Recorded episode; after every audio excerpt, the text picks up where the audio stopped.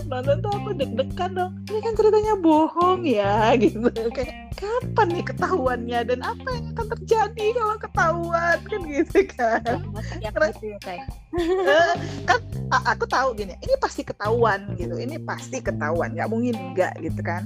Hmm. tapi kan aku jadinya kira ini gimana nanti ya kalau ketahuannya ya? Gimana mereka ngelesnya ya gitu. Karena tadinya kan sebagai penonton romance gue kan ngarep ada romance juga nih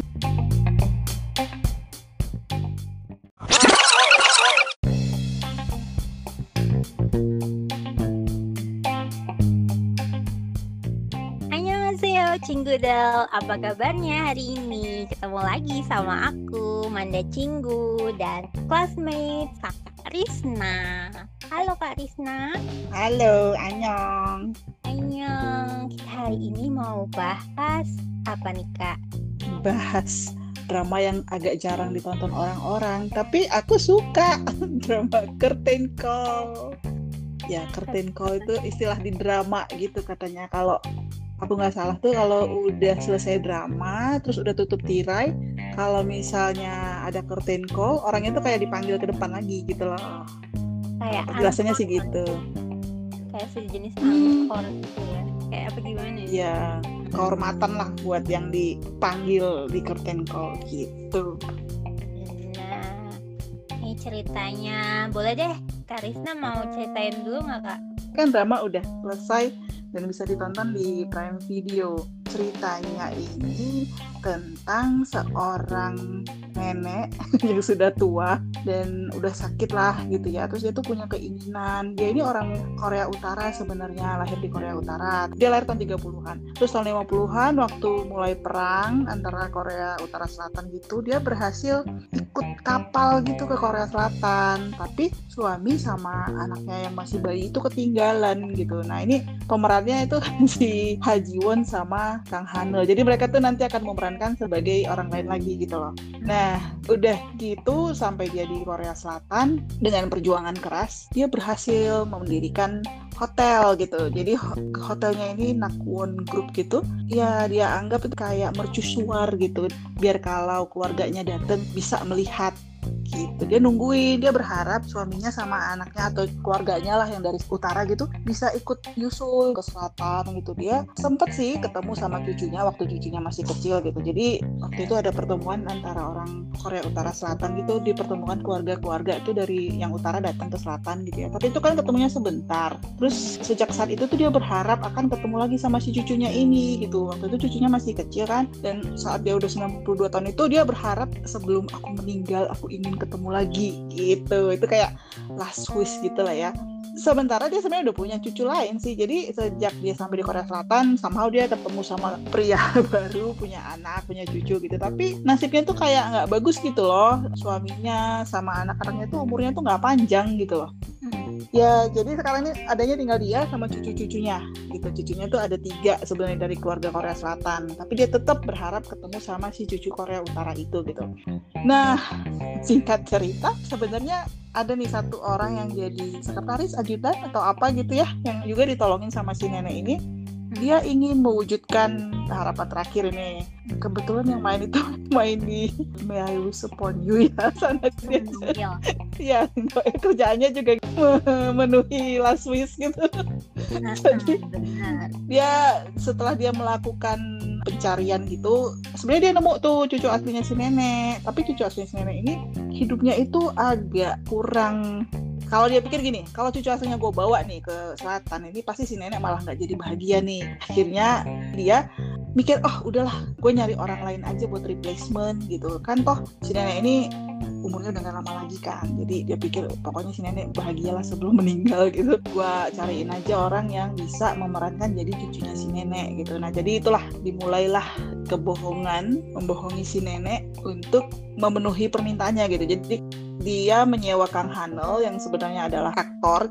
Dalam drama itu dia jadi aktor juga gitu ya yang sering memerankan tokoh orang Korea Utara gitu. Jadi aksennya udah udah dapet lah gitu. Dan itulah dibawalah si Kang Hanel ke rumah si nenek gitu. Bertemu sama keluarganya semuanya. Dan tentu saja tidak semulus itu ceritanya. Itulah sampai di situ dulu cerita sinopsis awalnya itu jadi panjang ya Ya, jadi aku rangkum ya kak ya. Jadi cerita tentang Mm-mm. nenek yang lalu diberi last wish-nya itu bentuknya adalah di- dipertemukan dengan cucunya yang hilang gitu ya kak ya. Iya.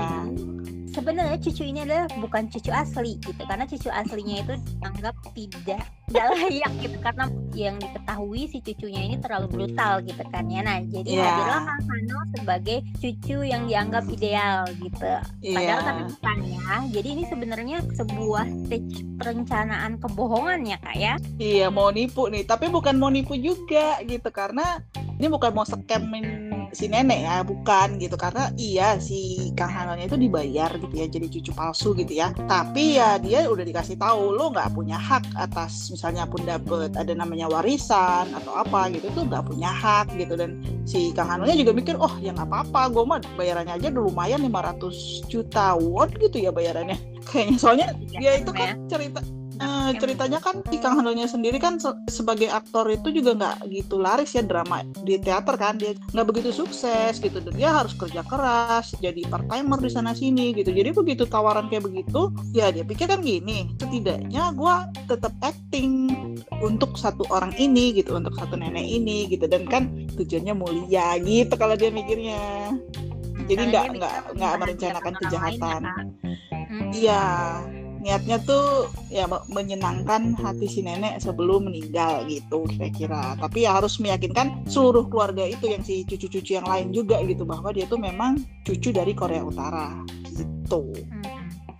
Mana saat perencanaan kebohongan-kebohongan ini tuh kan banyak ya kak ya sin-sin adegan-adegan gimana sih Kang Hanelnya itu bener-bener so sweet gitu ya kak? Ya nggak sih? Iya bener. Dia jadi cucu yang pokoknya sempurna lah ya gitu. Kalau misalnya si neneknya masakin apa gitu Dia tuh bisa kayak tulus gitu mujinya gitu kan. Bahkan cucu-cucunya yang lain itu kan ada tiga ya. Yang satu perempuan dua laki-laki gitu ya Eh, politik keluarga juga sih yang kalau si cucu-cucunya ini ada yang ingin menjual hotelnya, ada yang ingin mempertahankan gitu. Alasannya masing-masing gitu loh. Yang yang satu nganggap hotel itu sudah membuat orang tuanya kecelakaan gitu karena terlalu dedikasi sama hotel. Yang satu nganggap tapi ini kan warisan keluarga gitu loh.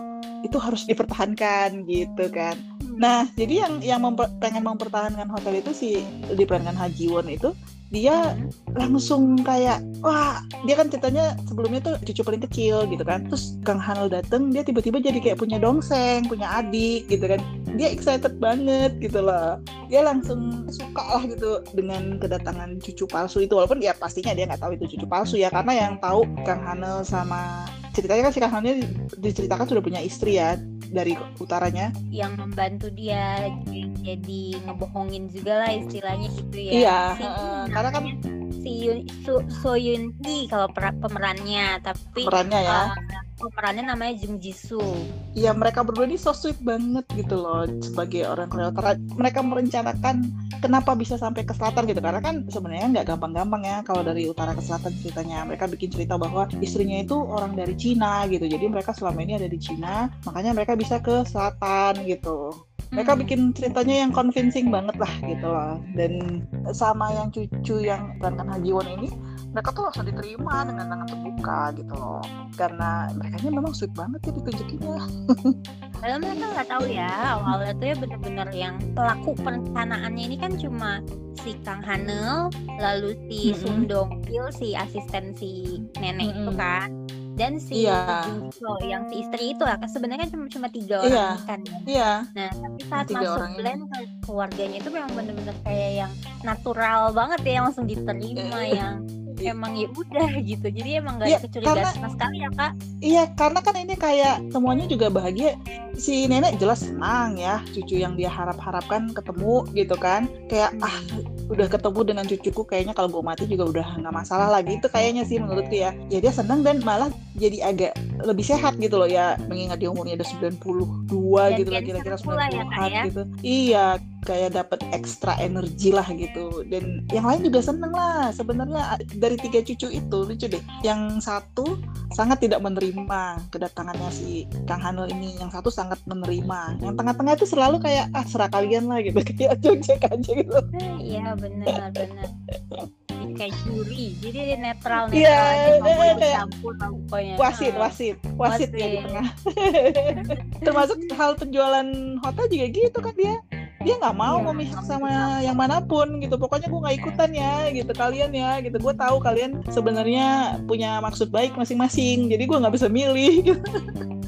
benar benar dia itu selalu jadi penengah dan dia dia mengutamakan harmonisan hubungan mereka ya lebih ke kiri oke kanan oke gitu.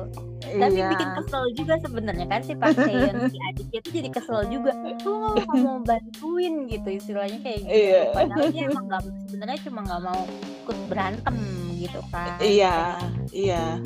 Karena Karena- manja gitu ya kak ya ke nenek Iya. nih yang, so sweet itu gemes gimana sih gitu Iya dia Yang- dia karakternya kayak apa ya cucu orang kaya yang nggak kerja terus hidupnya tuh clubbing doang gitu. Dia bahkan nggak mau terlibat hotel kan. Nggak tahu ya kayak nggak ada tujuan hidup tapi ya dia happy happy aja gitu dan awalnya dia juga nggak mau langsung menerima begitu aja kedatangannya cucu dari Korea Utara itu gitu ya. Tapi pas udah Ya. dia ngelihat neneknya jadi happy, jadi kayak sehat gitu ya. Ya dia juga jadi akhirnya ah lucu juga gue punya saudara yang kayak gini gitu karena dia bisa juga sih hangout sama si Kang Hanel ini gitu loh. Hmm. Jadi ya, akhirnya Itu dia pun setelah- kayak udah nerima gitu. itu setelah tes DNA tapi kan Se- Itu tes kan dia masih DNA bener-bener deh. walaupun Iya, itu jadi- palsu gitu kan tapi iya emang ada kebohongannya ada awareness sangat juga ya ada awareness ya menjaga keluarganya untuk nggak dibohongin orang gitu. Jadi maksimal juga sebenarnya buat ngejagain keluarganya walau akhirnya ketipu juga gitu. Tapi kalau aku lihat gini dia tuh emang tanda kutip sengaja untuk mencoba hidup santai karena Ah, ah. dia ngerasa itu adalah cara paling aman untuk menjadi di tengah gitu. Karena kan kakak Iya. dan adiknya tuh udah udah bener-bener jelas-jelas udah berperang lah tanda kutip gitu kan Iya. sementara dia tuh merasa emang dengan dia nggak terlalu nggak terlalu ngegas dan dia menjadi memilih untuk hidup santai itu adalah cara terbaik gitu untuk menjalani hidup yang menetralkan kakak adiknya kalau aku lihat sih kayak gitu sih Iya, iya. Ya lagian ibaratnya juga dia udah punya banyak duit gitu kan. Dan Hmm, tapi juga lagi? Eh, eh, daripada gua nanti bela yang satu gimana, bela yang satu gimana gitu kan. Jadinya oh, udahlah gitu. Manja-manja aja hidupnya gitu. tapi emang kayak nggak punya nggak punya niat apa apa gitu ya which is walau setelah Ah. dia akhirnya ikut teater pun gitu dia tuh all out sih tapi emang dia Iya. menjalaninya kayak coba-coba doang awalnya kan tapi akhirnya lalu barulah kelihatan ada kayak into it lah Iya. Ini tuh ceritanya kan setelah kedatangan si cucu palsu itu kan dinamika di rumah itu berubah ya kayak lebih hidup gitu loh. Jadi dia tuh ngerasa lebih wah ada juga nih manfaatnya datang si cucu dari Korea Utara ini karena bukan cuman si Kang Hanelnya tapi istrinya Kang Hanel ya maksudnya Jisuk ya. Ya Iya. dianya juga kan ternyata itu kan cukup cerdas gitu ya.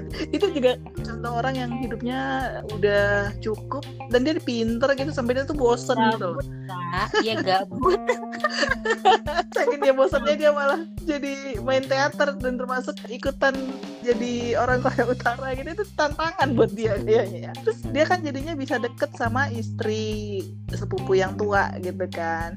Ya itu sama si nenek juga gitu. Suasana di rumah itu jadi lebih sering bersama lah gitu. Kayaknya aku tangkap sih sebelumnya mereka tuh masing-masing lah gitu jalannya nggak bareng-bareng ngapain gitu nggak kayak gitu gitu. Tapi sejak adanya si cucu Korea Utara dan istrinya ini mereka jadi lebih sering bersama, lebih ada rasa kekeluargaan yang hangat gitu loh. Nah, tapi kan tiap nonton tuh aku deg-degan dong. Ini kan ceritanya bohong ya gitu. Kayak kapan nih ketahuannya dan apa yang akan terjadi kalau ketahuan kan gitu kan. Ya kan aku tahu gini, ini pasti ketahuan gitu. Ini pasti ketahuan, nggak mungkin enggak gitu kan. Hmm. Tapi kan aku jadinya kira ini gimana nanti ya kalau ketahuannya ya, gimana mereka ngelesnya ya? Gitu karena tadinya kan sebagai penonton romance, gue kan ngarep ada romance juga nih antara Haji Won sama Kang Hanel kan gitu. Ada walaupun kan, ada ada dong ada tapi ada.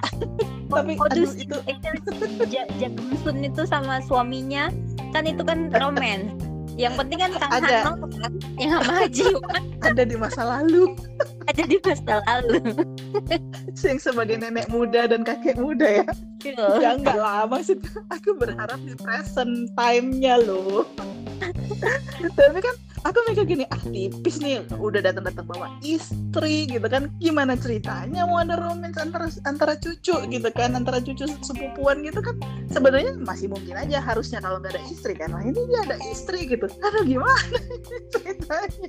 Tapi terlepas dari berharap romance kan sendiri ceritanya di situ udah ada yang pengen nikah sama dia tapi itu juga ada kaitannya sama biar bisa dapetin sahamnya untuk hotel gitu-gitu kan. Jadi tuh agak rumit memang masalah romance ini ya gitu. Jadi akhirnya agak menyerah bagian romansnya. Kayak sabar. Terlalu terlalu setipis ari memang itu romance. Jadi kalau misalnya memang nyari romance di Curtain Call ini mending jangan. Curtain Call ini Iya, lebih ke family. Ah, Family. lebih ke family. Pokoknya yang butuh kehangatan lah. Iya Butuh benar. sesuatu yang hangat ini bagus banget. Tapi memang aku akuin ya ini tuh kalau yang punya masalah sama keluarga atau gimana itu agak trigger sih. Banyak Hmm. hal-hal yang bikin gimana gitu ya. Tapi ya overall ini bener-bener sangat hangat sih kalau menurut aku iya dari Naka handle actingnya udah tau lah ya dia udah pernah dapet backsang juga kalau misalnya untuk masalah acting jadi oh actingnya jago banget jago banget. Iya, banget. Bagus switch banget. switchnya gak mulus banget ya switch antara selatan ke utaranya juga.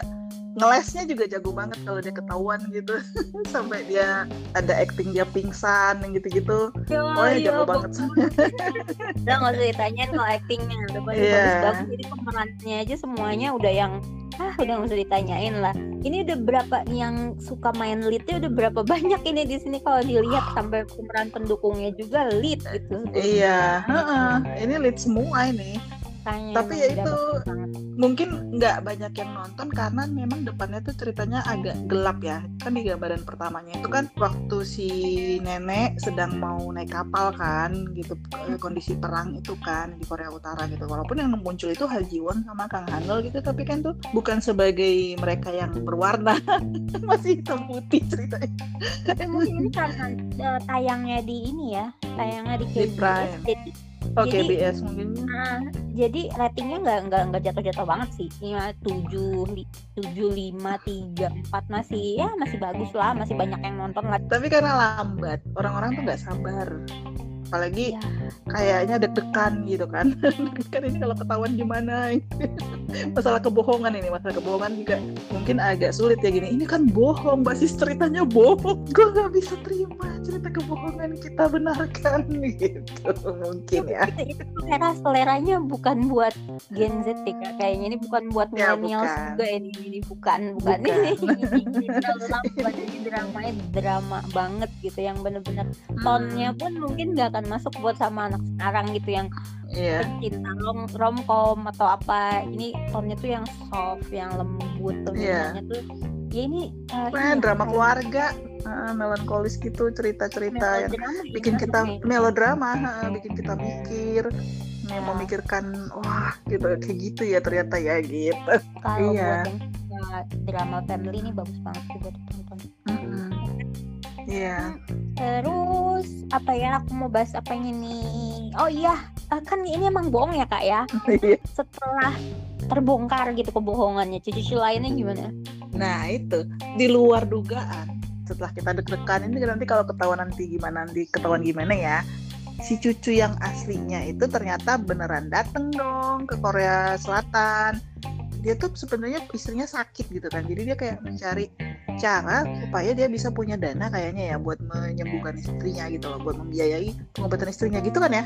istrinya masih hidup atau enggak tuh aku enggak enggak. Masih, ya. tapi istrinya itu butuh transplantasi tapi kan ceritanya nggak semudah itu kalau nggak punya dana gitu loh ternyata dia tuh jadi keras gitu karena kehidupannya keras gitu loh jadi dia memang kepahitan juga sih kayaknya ya kalau digambarkan gini loh kan si nenek berharap cucunya sama atau anaknya tuh datang ya ke ke selatan gitu ya. Dia nenek itu menunggu gitu ya.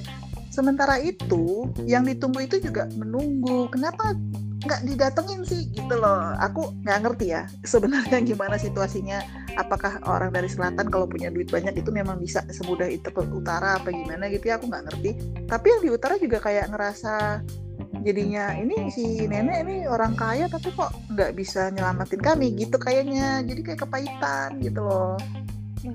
Kecewa gitu loh. Jadi sama-sama nunggu gitu loh. Yang satu nunggu yang dari utara datang yang di utara ngarep kenapa yang dari selatan nggak bantuin kami sih? Gitu. Kalau aku nangkepnya gitu. Dan termasuk bapaknya juga kayaknya sampai mati kan juga kepahitan lah sama ibunya gitu. Dan dia juga kan makanya dia datang ke selatan pun tadinya ya motivasinya mau dapat duit doang mau minta bagian gitulah kayaknya kan. Dan dibantu sama orang yang tadinya di hire sama si asisten nenek untuk nyari si cucu asli itu kan. Gitu. Pokoknya ini ada banyak orang yang agak tamak juga sih di belakangnya gitu. Dia berharap yang nggak dapetin cucu asli itu berharap kayaknya dia dapat bagian juga dong nanti kalau ngebawa si cucu asli itu ke selatan gitu.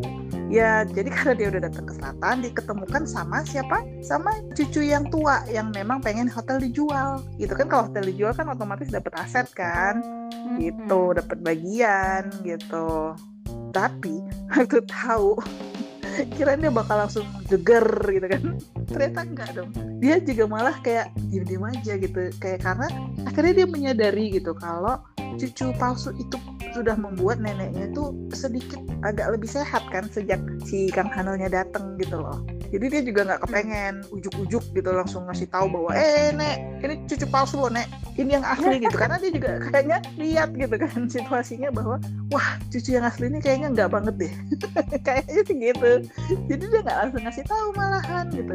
Nah yang menarik waktu si Haji Won tahu gitu si Pak Seon ya namanya si di situ ya. Pas dia tahu juga dia yang malah kayak what? gitu. Ternyata gue ketipu dong. Itu bukan dongseng gue. Gitu karena udah nyaman. Iya tadinya dia udah udah seneng kan punya sepupu yang punya adik lah gitu yang dia bisa hang out bareng akrab lah gitu. Eh nggak taunya pembohong gitu kan ya pastilah perasaan kayak wah gitu. Jadi tapi dia juga tahu dia nggak bisa ngasih tau nenek. Jadi mereka Iya. malah jadi bingung gitu.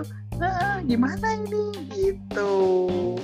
Ya akhirnya malah yang si tengah dong yang tetap nggak tahu iya ya sampai terakhir kesel kesel sendiri kan terakhir lu kok yang lain Iya. udah tahu dia belum Yang lucu Ya, tuh ya. Hmm. ya, ya yang lucu si nenek juga ngerasa sebenarnya ngerasa Ah, iya, bahwa iya. bahwa itu bukan mungkin gara-gara ketemu sama si cucu asli walaupun nggak ngaku ya. Kan kan ada tuh scene yang si nenek ketemu pemuda dari utara gitu. Tapi si cucu itu belum bilang sih bahwa eh gue cucu lo gitu. Enggak gitu. Tapi dia kayak langsung udah feeling gitu. Wah jangan-jangan yang di rumah gue bukan yang asli nih gitu ya kan. Kan dia bahkan nanya sama si Pak Seon ya kayak gimana kalau ada orang yang kita merasa bahwa dia itu bukan seperti yang kita pikirkan gitu gitulah kan dia, dia nanya gitu kan terus gimana tuh Iya. jawabannya? Aku ini deh.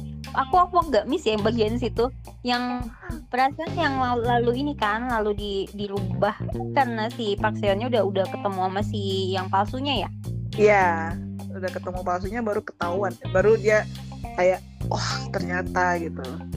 Mm-mm, tapi tetap nggak nggak seperti perkiraanku yang bakal jadi huru hara gitu loh. Ternyata malah jadi semakin se- apa senyap gitu. Karena kebetulan juga neneknya tiba-tiba koma. Ah iya iya iya. Benar benar benar benar. Ada ada. Peristiwa seperti itu. Iya, jadi setelah semua orang tahu, kecuali nenek, bahwasanya itu bukan cucu asli dan inilah yang asli gitu ya. Si neneknya pas koma, ya itulah di situlah mulailah si Kang Hanel kan diusir kan, jadinya dari rumahnya dan si cucu asli yang tinggal di rumah situ gitu. Terus tapi mereka tetap nggak bisa bonding dong sama si cucu asli. Kan cucu asli itu kan hmm, kayak, eh gue nggak butuh saudara, gue cuma butuh duit gitu kira-kira tadinya kalau aku lihat. Tapi ya akhirnya ya itulah yang waktu si nenek koma dan situasinya begitu. Si Kang Hanel kan walaupun awalnya bohong dia kan jadi udah beneran ngerasa tulus sih sama si nenek gitu. Si Jisuknya juga gitu. Mereka tuh tulus sama si nenek gitu. Dan ya udah pas mereka udah nggak di rumah situ lagi they do what their best at lah merencanakan main drama. Bagus ya itu ya scene itu ya Iya dan dan itu tuh kayak si Kang Hano ini ditunjukin langsung kayak menuliskan segala sesuatu gitu kan. Mulai dari kisah nyata lah ya. Jadi ini kayak dia tuh membuat drama curtain call dalam curtain call gitu loh. Karena diceritakan mulai dari datang Sundoil buat merekrut mereka jadi pembohong gitu kan. Sampai mereka meyakinkan sampai sampai tahap datang yang asli gitu gitu kan itu dan doi ya, doilnya di, itu ya sama si anak kedua ya di pemeran di peraninnya. Iya tapi aku juga sempat agak khawatir loh si neneknya tuh gak akan sempet nonton dramanya sempat khawatir gitu. Ternyata ya kalau kita spoiler aja langsung ini cepet ending lah. Walaupun ada romance antara Haji Wan dan Kang Handel di masa yang sekarang. Di masa lalu saja. Kita urat deh kak. Menurut kakak gimana tuh jadinya? Boleh nggak berbohong kayak gitu kan Enggak itu jawaban yang sulit. White lies kalau kayak gitu. Iya. Dan aku sempat ngomong kan sama Karisna ada kutipan yang benar-benar aku aku nempel banget di aku di film itu tuh adalah kebohongan yang tidak terungkap adalah kenyataan. Dan mikir gitu ya. Sampai sekarang aku mikir berarti mungkin ya selama ini kenyataan-kenyataan yang ada di hidup kita mungkin aja berasal dari kebohongan dan itu sangat bisa gitu kan.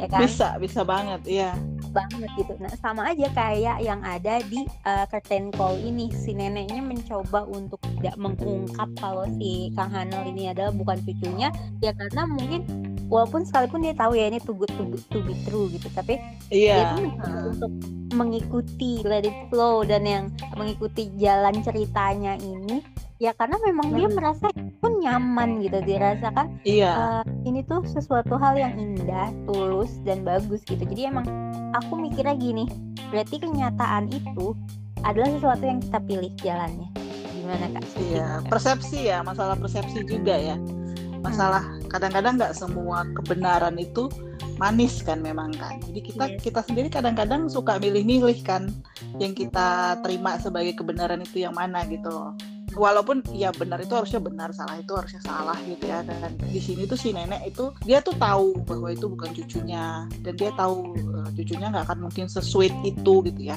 Tapi dia juga happy gitu bisa punya kesempatan menerima seorang yang seperti cucu gitu. Karena kan si Kang Hando ini juga kayak gitu kan. Dia dia juga nggak pengen nipu si nenek gitu. Tapi dia sendiri kan ternyata masa kecilnya itu nggak mm, bahagia gitu. Dia tuh nggak pernah punya family gitu loh. Nggak pernah punya keluarga gitu. Dan dia di keluarga si nenek itu merasakan gitu bagaimana sih rasanya punya keluarga gitu kan. Jadi mereka mungkin bisa dibilang kayak menipu diri gitu ya tapi mereka menikmatinya gitu loh. Kalau dibilang boleh atau enggak itu sebenarnya nggak boleh gitu. Tapi kita bisa gini loh dalam konteks drama ini gitu ya. Ini kan mereka selama mereka tidak doing harm gitu nggak menyakiti orang gitu ya sebenarnya ya nggak nggak apa-apa kali ya gitu. Karena kan kayak si asisten nenek itu kan cuman pengen supaya si nenek happy gitu loh mengingat yang bahagia gitu di masa akhirnya gitu loh.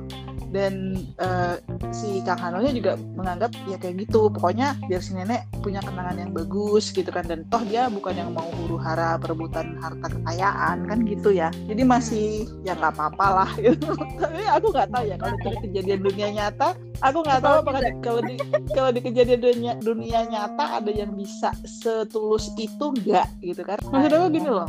Kalau kita bicara duit ya uang uang itu kan bahaya gitu ya. Hmm. orang kalau udah kenal uang tuh bisa jadi jahat kan gitu-gitu ya.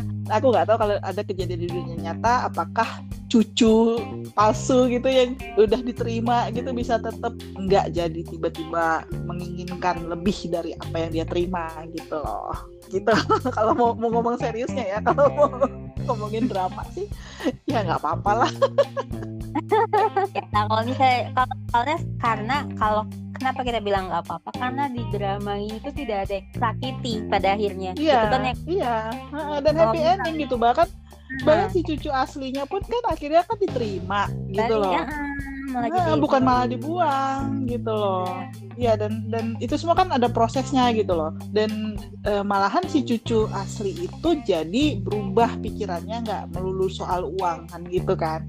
Dia juga jadi soft juga gitu loh. Ada pengaruhnya dari keberadaan si Kang Hanul di keluarga itu gitu loh.